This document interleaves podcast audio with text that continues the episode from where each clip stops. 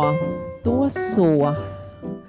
Eh, varmt, varmt välkomna till det här eh, eftersamtalet som vi ska ha nu. Jag heter Ulrika Josefsson och är producent för den här föreställningen. Och eh, vi är otroligt glada att vi har en sån fin panel här. De ska få presentera sig lite mer ordentligt själva, men vi har Anna Furemark, vi har Hynek Pallas, Sofia Jupiter och Janina Carbonario och, och våran tolk. Eh, och eh, det är så här att den här produktionen är ju en samproduktion mellan Jupiter Josefsson Theatre Company och Dramaten Malmö stadsteater, Örebro länsteater och Folkteatern i Göteborg. Så den här föreställningen kommer att spelas på väldigt många platser ute i landet och även på en riksteaterturné. Vi ska också spela den i Europa, i Bryssel bland annat och Finland och Norge efter den här spelperioden.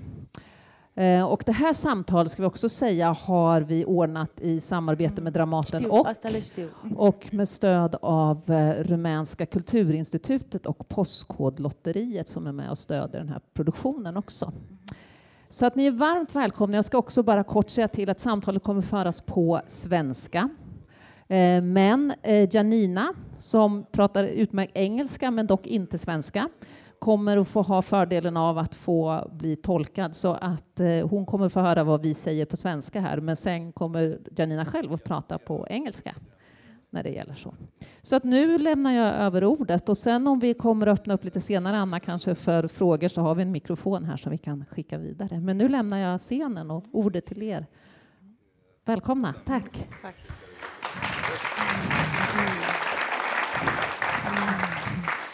Fantastiskt med alla som samarbetar kring den här produktionen och tack alla ni som är kvar denna sena fredagkväll för att diskutera frågor som rör samhällets sårbarhet, nationalism och alla de här sakerna som dök upp i den här oerhört starka pjäsen som Sofia Jupiter har satt samman i Sverige och Janina har skrivit. Eh, så. Vi kommer lägga upp samtalet på det sättet att först så pratar vi lite grann allmänt kring frågor kring nationalism och förtryck av olika grupper och vi och dem och så. Och vi har ju i Sverige och i hela Europa senaste veckorna sett ganska så fruktansvärda bilder, eller hur? Mm. Vi är alla ganska berörda av människor som flyr, som har rört på sig och som har varit med om fruktansvärda saker. Och det är en stark liksom, också aktivism i samhället. Så vi ska försöka ta tag i det här och avrunda också så småningom med saker som är framåtsyftande och positiva. Men vi börjar, börjar med Hynek Pallas som kommer berätta lite övergripande. Sen kommer vi fortsätta med Sofia Jupiter som berättar lite mer om hur det har varit att ta hit pjäsen till Sverige och dina tankar och hur du jobbar med kultur och samhällspåverkan. Och sen förstås Janina, hur det kom sig att du började din bana Eh, med teatern som form för att skapa samhällsförändring och hur du har tänkt med den här pjäsen. Oerhört glada att du är här idag. Sen är det så att vi tror också att ni i publiken är intresserade av att fråga kanske Janina och Sofia saker. Är ni det? Ja, då kommer vi också se till att ni får tid att ställa frågor, men vi har kort om tid. Det är bara 45 minuter, så att ni vet. Vi ska försöka vara ganska effektiva.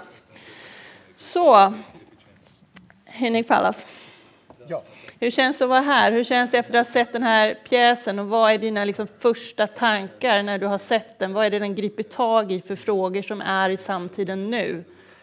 Eh, alltså jag ska börja med att säga jag har precis landat från Prag för några timmar sedan där jag bor deltid och eh, det gör att utifrån introduktionen du här har gett, utifrån samhällets engagemang och människor är berörda, så kommer jag från ett samhälle där det i praktiken, i alla fall bland toppolitikerna och i medierna och väldigt mycket i samtalen, är helt tvärtom.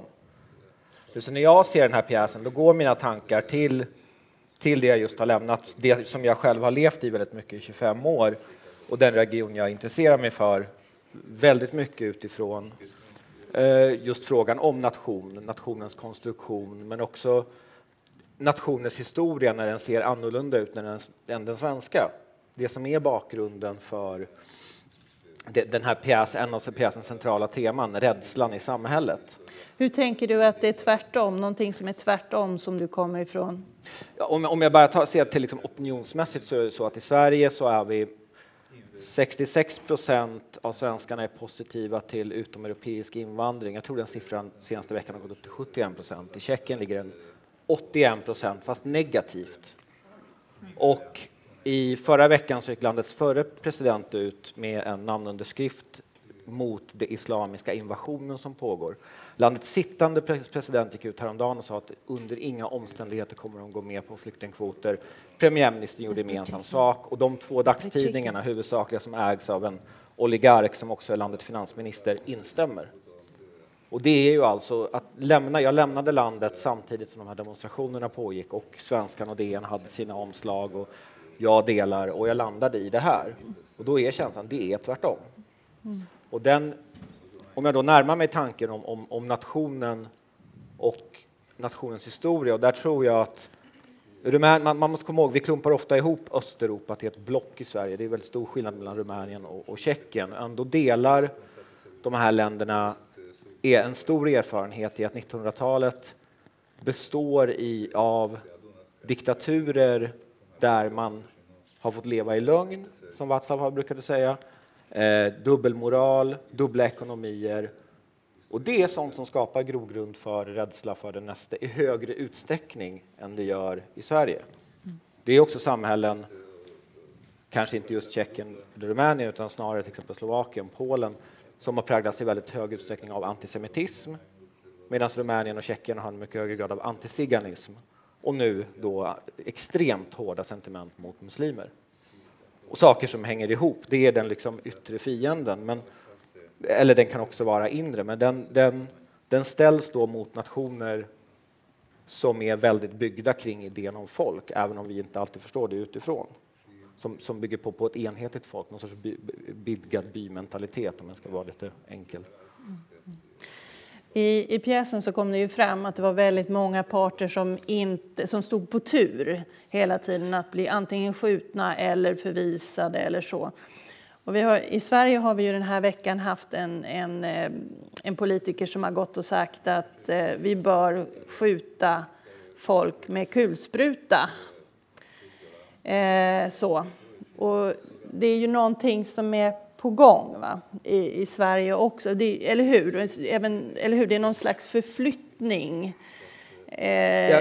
där det offentliga det, händer, det, börjar hända, det händer kanske åt olika håll här. Va? Det... de här politikerna i Sverige, de här personerna, jag vill faktiskt inte kalla politiker, kanske tidigare personer som säger att vi ska skjuta av, som har fått en röst i offentligheten. Det är samma marginaliserade personer som hela tiden, de hörs mer nu. Men jag, jag, är en, jag hör till den, den falangen som kanske är liten, men jag vill verkligen inte jämföra Sverige som är ett solidariserat, solidariskt, humanistiskt samhälle med de här samhällena. Mm. Då förstår inte vi vad 1900-talet har gjort med stora delar av Europa.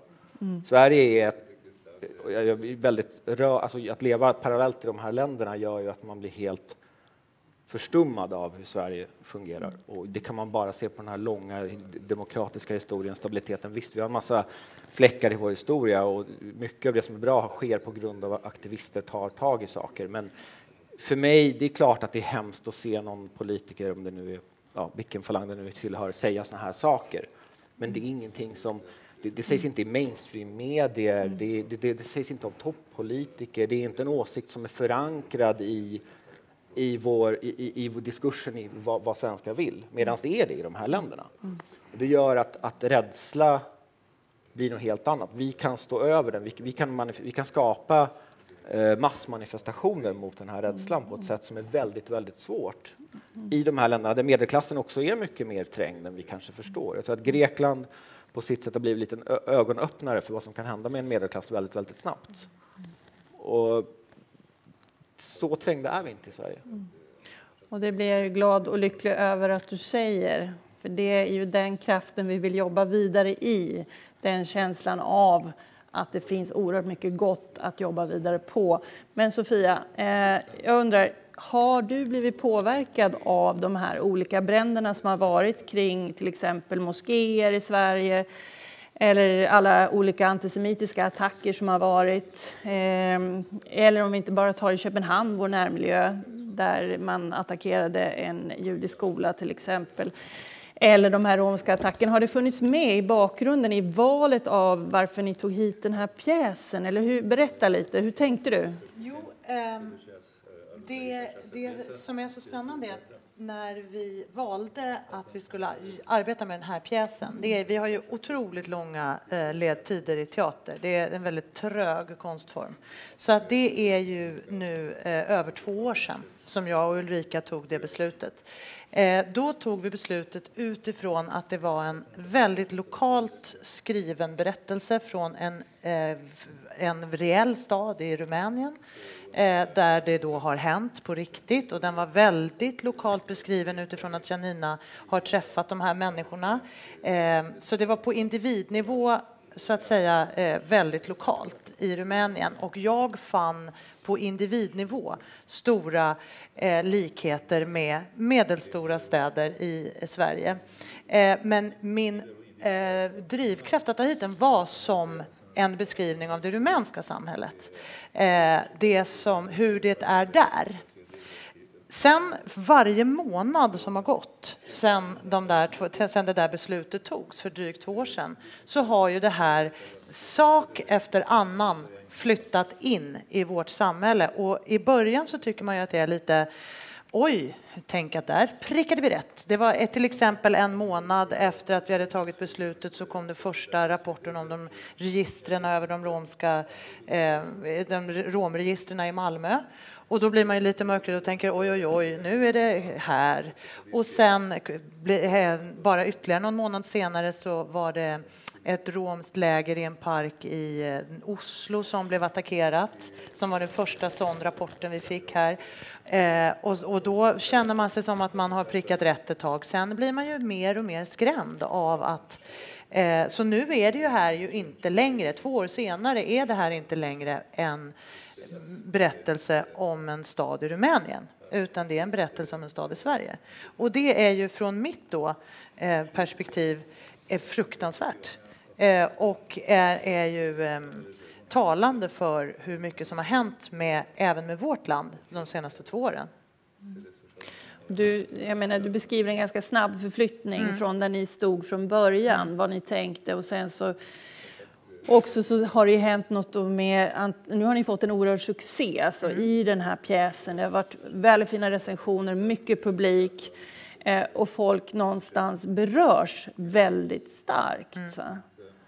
Och det är ju helt fantastiskt och det, det kommer ju också i förlängningen av precis där vi står nu och det Alltså det som är, men det jag skulle säga om att, att den här pjäsen står mitt i nutiden i den här veckan, vilket det ju verkligen känns att den gör. Den är ju så nutida så att den är liksom, eh, den ryker. Det beror ju tyvärr inte på oss utan på samhället som har kommit närmare den här verkligheten, tyvärr. Mm.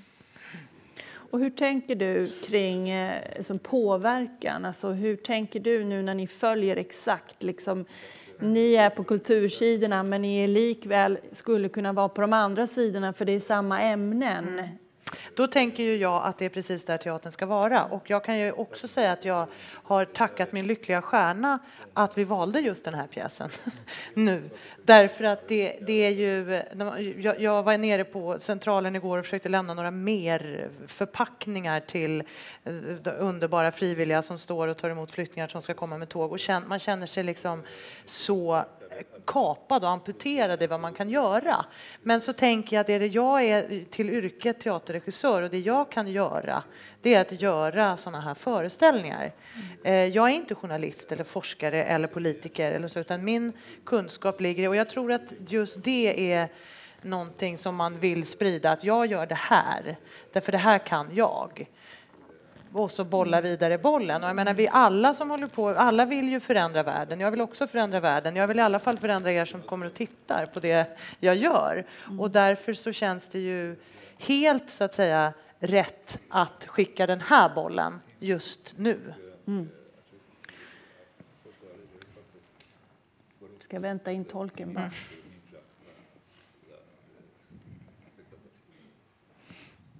Janina, eh, Eh, du har ju skrivit den här pjäsen och Hynek berättade här i början om Östeuropa och olika länder och att det finns en, en väldigt stor skillnad i historien och vad som har hänt både på 1900-talet. Men om vi backar lite tillbaka så har det ju varit ett slaveri under århundraden kring människor. Romer ända till 1870, om jag förstår det, i vissa länder i Östeuropa.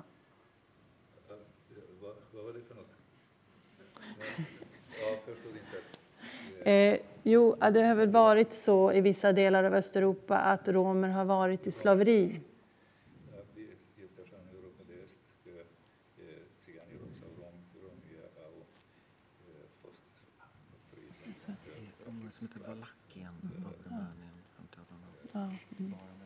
Mm.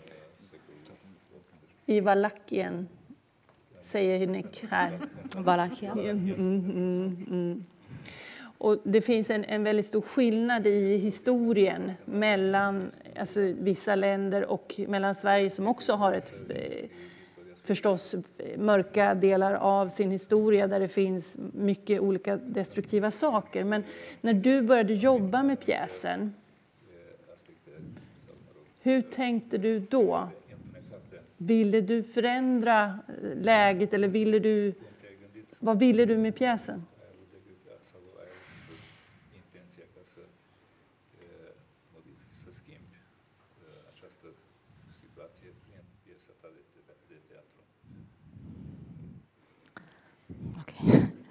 Um, Tack What? för pjäsen. Um, first of all, I'm very happy to be here tonight.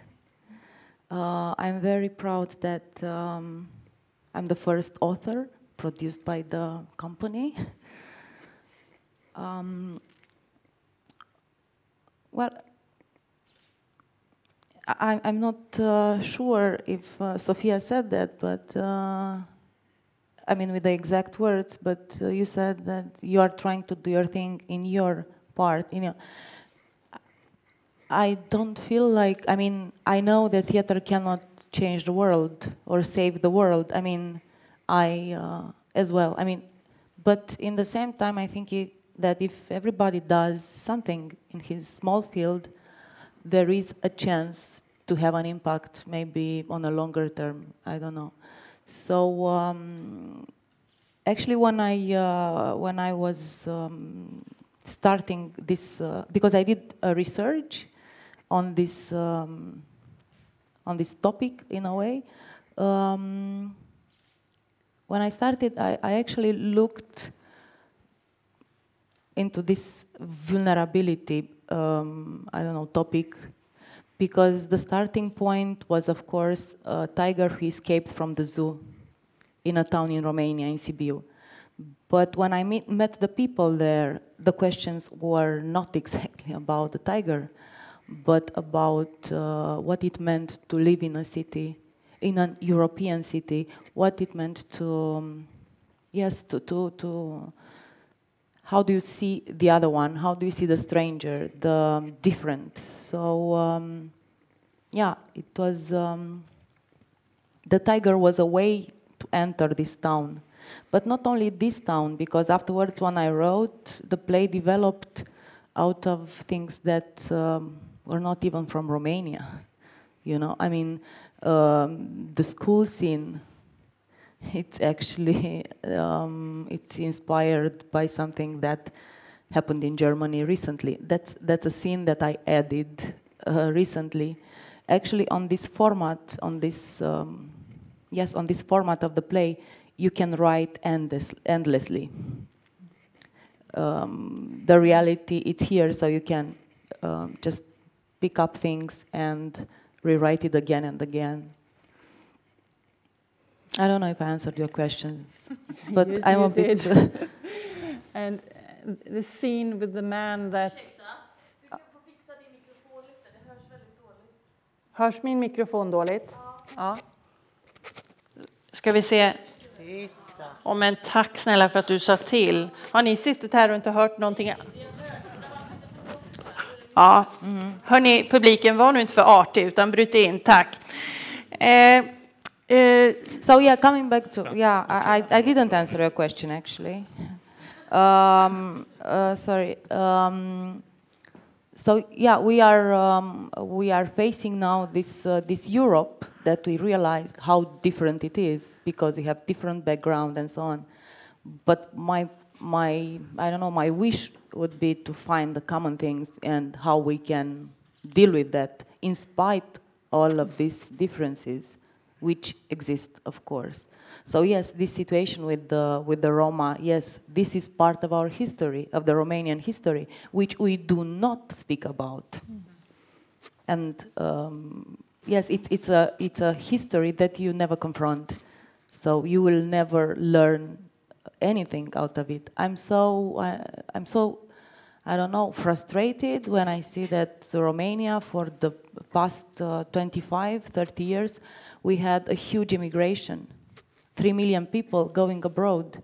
And when I hear or read some reactions of some people um, um, to this problem, to the, to the refugees, I'm shocked. We learned nothing. I mean, uh, we, um, yeah, we were in that position in a way or another to, to go somewhere, and I think everybody has the right to be happy and um, safe where he feels like going. But it's, it's, um, yeah, it's us and them. We are entitled to do things, while others, for some reason, there are always reasons in history, they are not entitled to do that. And this is, yeah, this is frustrating me a lot. I think Hinik wants to say something too. Jag bara säga att jag önskar att den här nationella samordnaren för så kallade EU-medborgare var här och satt och hörde det. För att idag så publicerade då eh, Socialdemokraternas barnminister och han ett upprop om att vi ska hjälpa på plats och romerna ska stanna i Rumänien, de ska inte komma hit. Och eh, bara från en tjeckisk horisont som är mycket mildare än rumänsk så är det ju ren rappakalja. Så det hade ju, bara en sån sak skulle varit väldigt bra att lyssna på. Det är alltså ett land som inte konfronterar det här problemet överhuvudtaget. Mm, mm. Ja, ska bara vänta. The audience wants to say something. Did we have a mic somewhere? So. Och så kan du berätta vem du vill ställa frågan till eller om det är till hela. Jag ställer frågan till de som har gjort uppsättningen, mm. regissören och författaren det är ju så här att jag upplever att det här är en 50-talspjäs och det är det bästa man kan säga om teatern för 50-talet var oerhört viktigt och det var ju efter andra världskriget, det vill säga att det här snacket skulle man inte hålla på med, det hade man hört tillräckligt mycket. Och det, den här pjäsen som är smart ser ut att vara en allegori, det vill säga att alla försöker tolka och hitta någonting i det. Men tesen kan ju vara också att det är en anti-allegori, en icke-allegori. Hur mycket vi än försöker tolka den så blir det inte liksom, det blir inget budskap i den. Och det här hände ju på 50-talet. Sådana pjäser buades ju ut då lite grann utav Beckett och Adamov och Ionesco. Och här fanns ju någonting utav Ionesco.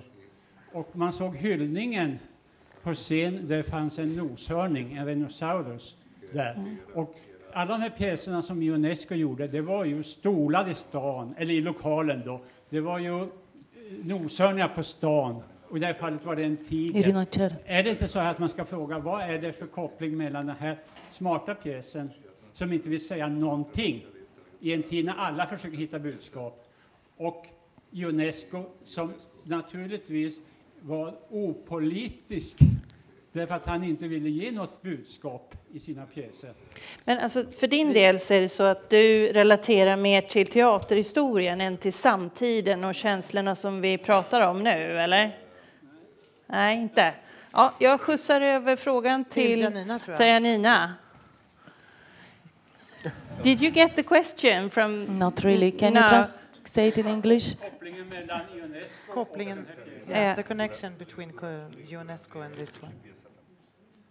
that we are both Romanians. no, I, I, I, no, but um, I think that we actually um, um, wrote in very different times, and um, I mean maybe this um, um, connection with reality. I don't know, but I don't feel like even if I respect his work very much, but I do not feel very much connected with the, with that style. It might be misleading the fact that um, it's with animals and houses and schools and um, cars and people. It might might be misleading, but I. Um, I didn't have in mind, at least I didn't have in mind, maybe I don't know my background, but I, I didn't have in mind uh, Rhinoceros, for instance. Even if I think it's a great play, but it's just that. How have the reaction been when you played it in Romania? Well, we it was an independent production that I directed, and uh, I think we performed it five times because we didn't have enough um, financial support to, to perform it more. But uh, the people reacted very good, yeah. And um, they, um, they were very connected with, with the play because uh, of the, the irony in it. So if from the responses, I, the answers, the um, connections I had, they said like um, the, the, the subjects are so serious that you need this distance that the irony gives you in order to see better somehow the topics, the themes. Man nu, tänker, nu tänker jag vända mig till er här i Sverige igen då. Eh, vi har ju ett parti som den här veckan har fått opinionssiffror på 21 procent. Som säger att kultur ska vara god och uppbygglig, teater ska skapa goda, glada människor och inte provocera, för då ska teatern inte få några pengar överhuvudtaget om den provocerar. Hur tänker du att i ett sådant samhälle att du skulle kunna skapa en sån här produktion, eller vad händer då, Sofia? Ja, men då kommer ju alltid den där frågan i vem som bedömer. Vem är domaren över oss? Vem bestämmer vad som är gott och uppbyggligt? Själv personligen tycker jag att jag väldigt sällan har jobbat med en pjäs som är mer uppbygglig och god än den är. Mm. Så att där återigen, det är våra perspektiv och vad vi har. Men det säger sig självt att i ett samhälle där man ska vårda något bakåt utan att ta tag i de frågor som historien skapar nu så finns det ju väldigt lite utrymme för den här sortens eh, föreställningar givetvis. Mm. Och du Henrik, alltså, jag vet inte vad jag ska säga om det här partiet. Alltså, det finns ju inte ens något att vårda bakåt. Nej. Det är bara att hitta på. De är ett luftslott. Det var nästan så att de skulle få regera i fyra år så att vi slapp dem. Det är, jag vet inte vad jag ska säga längre. Det är, liksom, det är ju bara nytt hittepå varje dag. Alltså förlåt, men jag är verkligen jag är otroligt frustrerad som alla andra över den situationen att de växer oavsett vad de gör. Men det var några röster här mm. nyligen. Mm som har påpekat det att låt dem regera, de har absolut ingenting. Senaste undersökningen, deras, de vill dra ner eh, alltså, budgetarna i kommuner med 50 procent. De har, de har ju inte ens en idé om hur de skulle styra. De har en enda idé och det är att de har kidnappat en föreställning om ett folkhem som en gång definierade det här landet, så när vi då pratar om nation, alltså vilka vi hittade på att vi var, eller vi. Eh, jag behandlade de här frågorna otroligt mycket när jag skrev min avhandling som handlar om vithet, men som också handlar om hur filmmediet behandlade sorgen eller någon sorts sorg av det förlorade Sverige efter 89 när världen förändras. Och jag, jag ser liksom hur de bygger sin politik till punkt och pricka på den där på att utnyttja det här. Det finns ju massa människor som upplever en förlust i en globaliserad värld. Det är en naturlig process. Mm. Vi har växt upp med nationer, vi har matats med den här idén om att nationen betyder någonting. Det kommer ta jättelång tid att riva ner det. Men jag tror också att det vi ser idag, De här striderna som står om det, det är också en naturlig reaktion mot att det kommer, alltså jag hoppas verkligen innerligt, det kommer att försvinna också. De är, SD är ett symptom. Och det, det, vi måste såklart kämpa mot det. Och det ser mycket, mycket värre ut i andra länder där det inte ens finns ett SD, för att det pratade jag och Jane om innan. Det behövs inte i de länderna för det är mainstream-åsikter. Men här har vi kampen. Kanske har vi eh, partiet för att vi verkligen kämpar emot det. Jag vet inte. Jag kan, kanske är jag för naiv och god, tror för mycket på det här landet, men så vill jag se det. Och jag ser ju att folk kämpar mot det. Mm. Eh, jag måste också säga, apropå det här och den här föreställningen, att det som jag tycker är en, en otroligt fin Eh, del av, eh, eller en, en, en anledning till att jag tycker att den här pjäsen är så väldigt bra, förutom historien och fabeln och hela det uppenbara, är ju precis det att trots att vi skrattar, trots att det är ironi, trots att vi har distans till en, ett jätteviktigt ämne, så berättar Janina om de människor som är rädda. Därför att alla, alla är ju människor.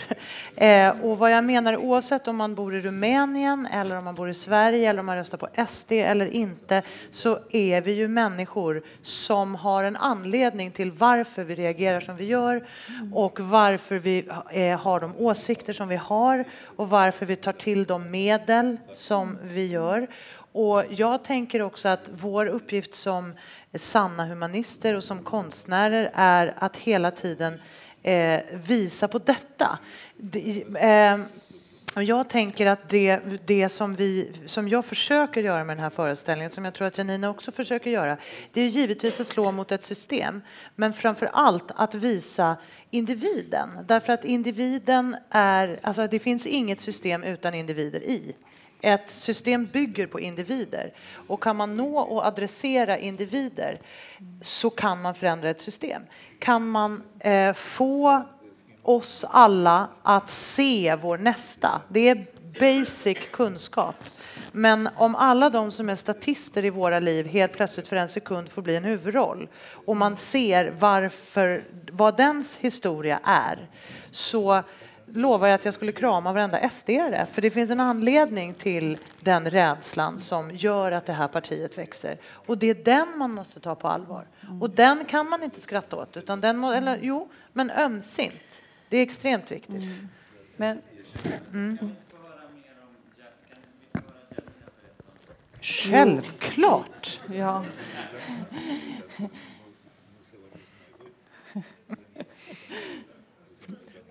But we Janine- are few people here, so we all have to, to speak. That's But why we are all here.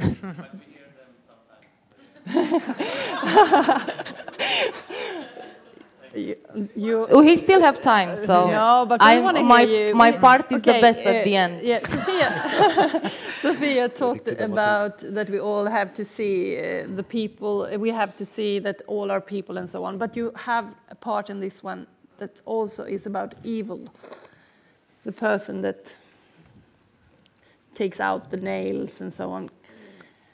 it's an individual as well. So, actually, um, when when you, you are aggressive when you are aggressed, and um, that's the point of this middle class in Romania, but not only the European middle class um, in this time of crisis, and it's not only economical, but a lot of things are in crisis. So they are. Un- that's my, I don't know, view on this. They are under huge pressure, and then they become vulnerable to a lot of public politician uh, discourse, speech. They they become the first victims to this, um, you know, media, um, all this kind of extreme speech. So I think if we are not aware of this and if we do not pay attention to this, we'll be in trouble. About these individuals, about this kind of being uh, racist without even knowing or noticing. It's like the common, you know, racism as a common sense, discrimination as common sense. This, I think that there is the fight. And um, sometimes I, I, uh, I have to say that I'm, I feel completely helpless and useless because all the media speech, it's so strong. It becomes so strong that you, um, Yeah.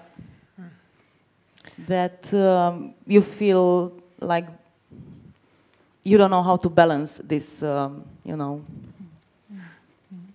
But, but we'll try. I mean, Shall we let the audience uh, ask some questions to Janina?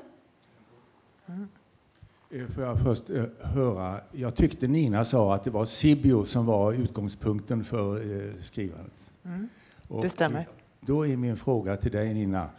Eh, När du skrev pjäsen, hur pass medveten var du eller hur mycket har det påverkat dig att eh, den tyska befolkningen som var ganska stor en gång i tiden i Rumänien den hade faktiskt en nästan huvudstad i Sibiu. Så det var en mycket stor tysk befolkning som sen efter kriget fullständigt rensades ut och några enstaka tyskar blev kvar.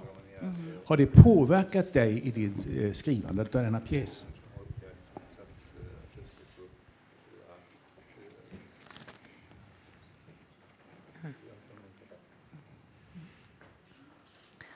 Um, this community uh, doesn't exist anymore in, in Romania. I mean, there are very few people who are left out of the German. Um, So um, there was not so much to, to be said about these strangers. I mean, it was an absence in, in, in, in this. Uh, but it is true that um, I did a performance on that subject in Germany like six years ago about the selling of German ethnics from Romania to Germany during the communist uh, times. And uh, yeah, in, in this case, for me, it was more. Um, I, I think I went there to Sibiu to do the research, but actually, I was always thinking about a European city and this kind of size, middle size, because um, they are very beautifully renovated. I mean, if you go everywhere, France, if you go to Germany, everywhere, in Sweden, Yes. they are beautifully renovated.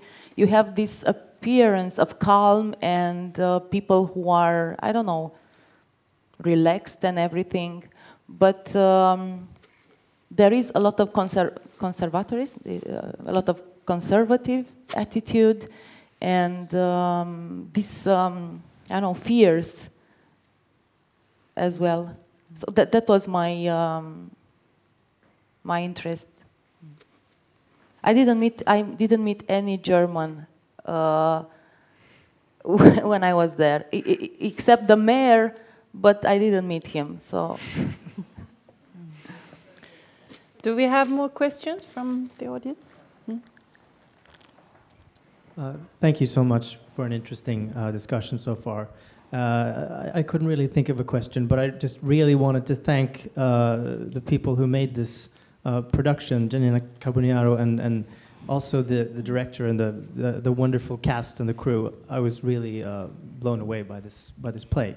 Um, and just to comment briefly on what you were talking about, I, um, I, I think it's a very timely play. I really think that it's useful in that way. It's true that maybe theater can't change or save the world, but you know, we, we, it can become an important part of the culture. We, we still have the, the words and the lines of, of Brecht as a source of you know, inspiration and, and reflection and, and courage in these times. And um, so I think plays can be really important, and I feel that this is an important play, and it makes an important intervention in the current political uh, climate in Europe and, and in the, uh, the public debate. And, and um, with all due respect to, to the points you were making earlier about uh, Romania and Sweden, I, I really feel like this, this is really about Europe in general, I think. Uh, I mean, if we're honest about ourselves, of course, there are differences in, uh, in the history of, of Sweden and Eastern Europe and so on. But if we're honest about ourselves, this is really a common European history and a, a sort of common European mentality that's been here all along. We, we do see this now re emerging in Sweden, but really it's been here for a long time and it's coming back to the surface. And I think this really, because it feels so much like it could be any sort of middle sized middle class European city, as you said, I think it reminds us of that um, quite dangerous common European mentality, and I think that's very valuable and important. So thank you so much for, for writing this play, and, and to the rest of you for making it. Thank you. Thank you. Thank you. Mera frågor här uppe? Eh, jag skulle bara vilja fråga, vi hörde att eh, ni hade spelat fem föreställningar och att publiken var glad. Eh, har den pjäsen också satts upp på andra ställen i Europa? Och vad tyckte tidningarna till exempel i Rumänien om de här fem föreställningarna? Vill veta lite mer om bakgrunden. Uh, yes, it premiered in France um, a few months ago, and it was presented as a staged reading in Madrid, in Munich, and somewhere else, um, and France, another staged reading. Mhm. And the reactions also was in the question, the Ah, reactions to the Um, play. In the, pa- in the newspaper, if there were any. in the newspaper. Uh, well, actually, the um, Also the reviews in Romania. um, this European aspect was was very important. Like, yes, it's not about Rom- Romania. It's not a play about Romania. It's a play about Europe. It's not about a tiger. it's about that and that in our society. Vi hade fler frågor, eller hur? Ja, jag tror det var fler som viftade. Eller? Jo, det var någon där. där. Ja, där. Där, ja.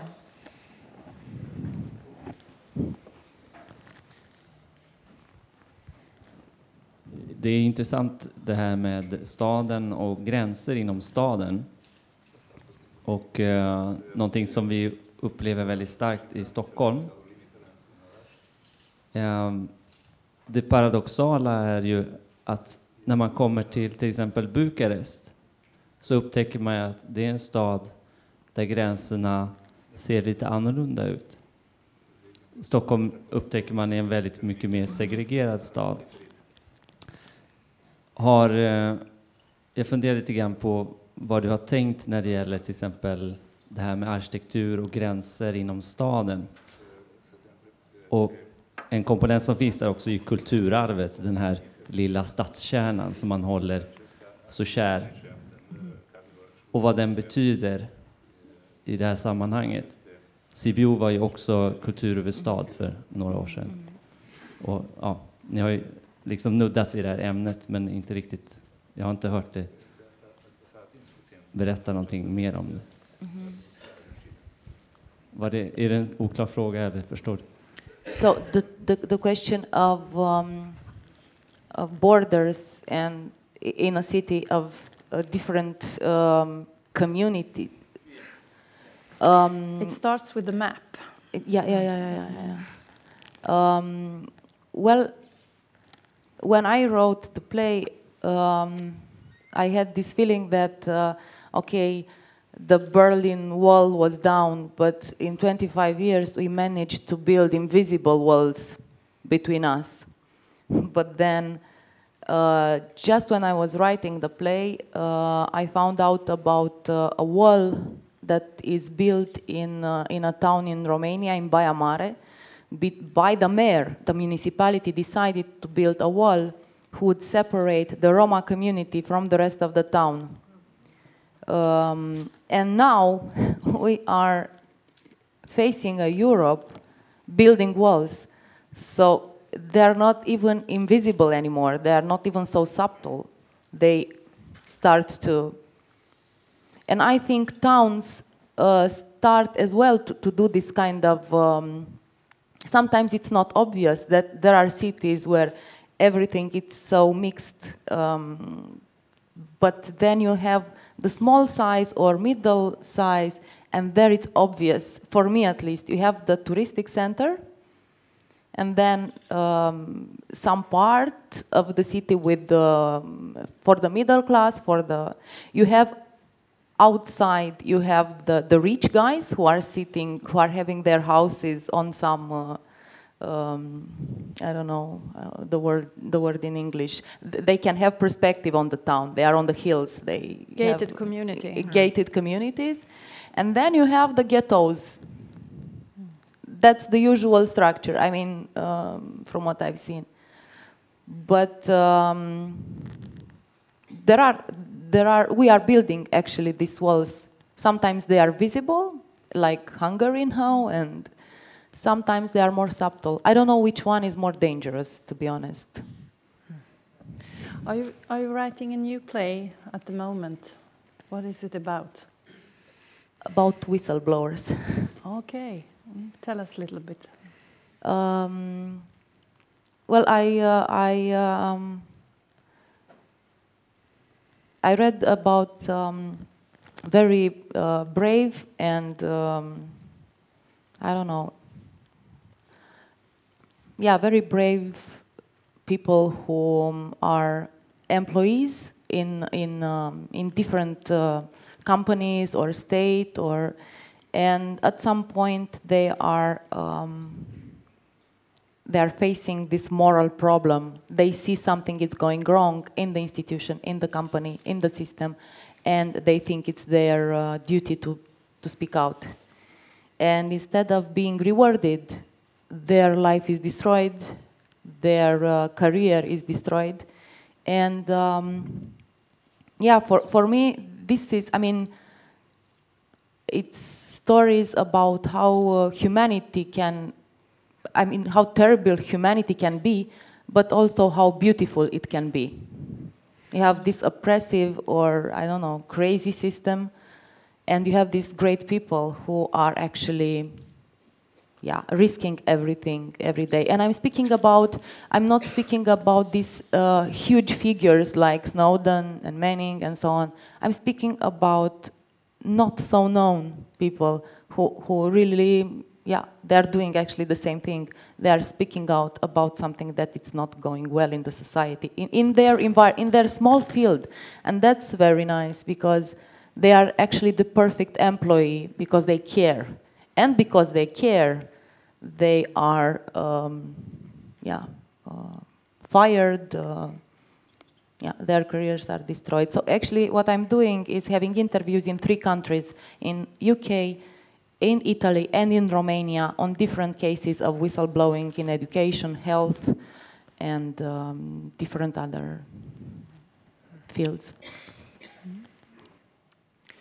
Okej, nu får jag det här dödstecknet. Eh, Det betyder att det är antagligen är inte ens fem minuter utan det är slut. Okej.